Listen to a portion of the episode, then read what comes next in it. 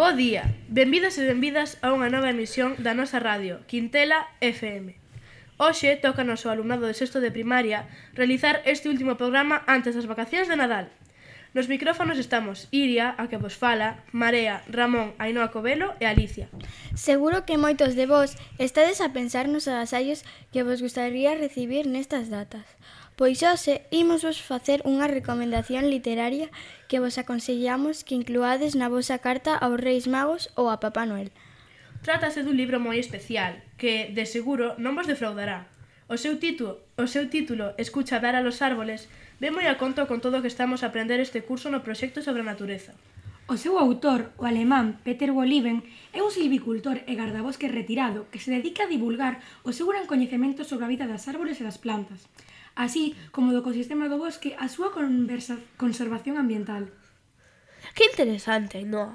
A verdade é que na visita que fixemos á Fundación Sales aprendemos un montón sobre as árboles, pero seguro que con este libro podemos converternos en verdadeiros expertos. Que tipo de información podemos atopar nas súas páxinas? Pois o libro revela moitas curiosidades destes fascinantes seres. Por exemplo, como falan as árbores, verdade Alicia? Así é, as árbores axúdanse unhas ás outras e para iso comunícanse. Sí, sí, avísanse dos perigos. Por exemplo, cando son atacadas por os escarabellos, Para evitar que lles fagan dano ao comer e perforar a súa corteza, as coníferas producen resina, unha sustancia pegañenta e amarga na que quedan pegados os insectos. E como vexan as outras árbores do perigo? pois emiten un olor que se vai propagando e as árbores do arredor entenden que deben empezar a producir esa sustancia antes de que chegue o escarabello. A solidariedade é vital no bosque. Vamos, que se axudan para defenderse dos inimigos. Así é, en África, por exemplo, as árbores aprenderon a defenderse das xirafas. A estes animais encantalles comer as follas máis altas das acacias, unha árbore moi elevada, que parecen parasois. Pois, sorprendentemente, minutos despois de percibir que están comendo nas súas follas, as árbores comenzan a desprender un veleno. A mensaxe de perigo, xirafa, transmítese en forma de olor a través do vento, de xeito que non tarda en chegar ás árbores máis próximas. Pero as xirafas xa saben, xa coñecen o truco, por iso se trasladan a uns 100 metros de distancia, xa que ali aínda non chegou a sinal de alarma e as follas seguen sendo deliciosas. Vaya, que interesante. As aulas non saben nada de internet nin de teléfonos. Sen embargo, están interconectadas. A que sí, Iria? Certo, as árbores transmítense mensaxes a través das súas raíces e tamén reciben a axuda dunhas pequenas criaturas, os fungos, que viven baixo as follas, no chan do bosque. A internet dos fungos esténdese a través de toda a rede subterránea do bosque.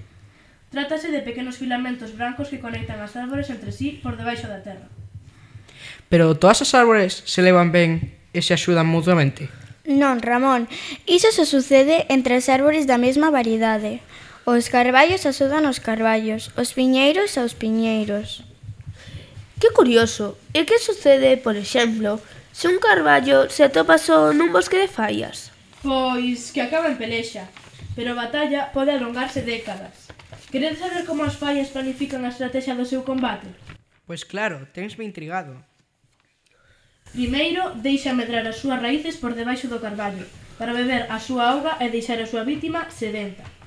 Posteriormente, estenden as súas ramas por encima da copa do carballo, de modo que este non poida recibir coas súas follas a luz necesaria para vivir. Ata que un día as fallas sobrepasan o carballo e lle rouban toda a luz. Ao permanecer na escuridade, a árbore xa non pode fabricar azucre, polo que ten fame e debilítase. Entón, comeza a ter medo. Medo? Queres decir que paseando polo bosque podemos recoñecer a simple vista se unha árbore ten medo? Pois si, sí, Ainoa, cando sente pánico porque periga a súa supervivencia, comeza a medralle polo tronco ramas desordenadas das que brotan grandes follas.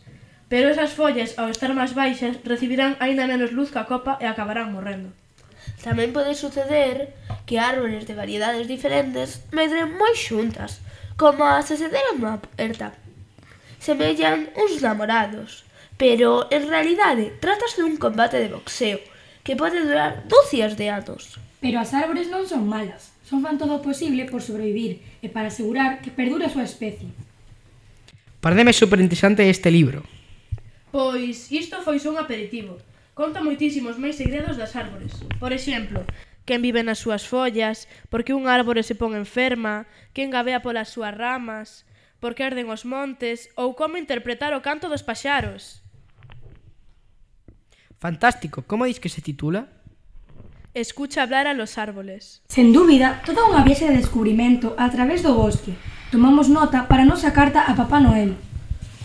Imos comprobar agora se prestastes moita atención ao programa de hoxe. A pregunta desta semana é de que animal se defenden as acacias africanas desprendendo un veleno nas follas? Repetimos, Que animal africano se menciona no programa?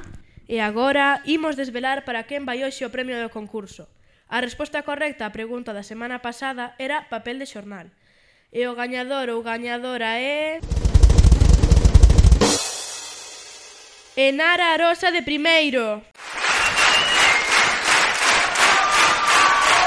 Parabéns, despedimos o programa de hoxe. Bo Nadal e ata a volta das vacacións. Sede felices.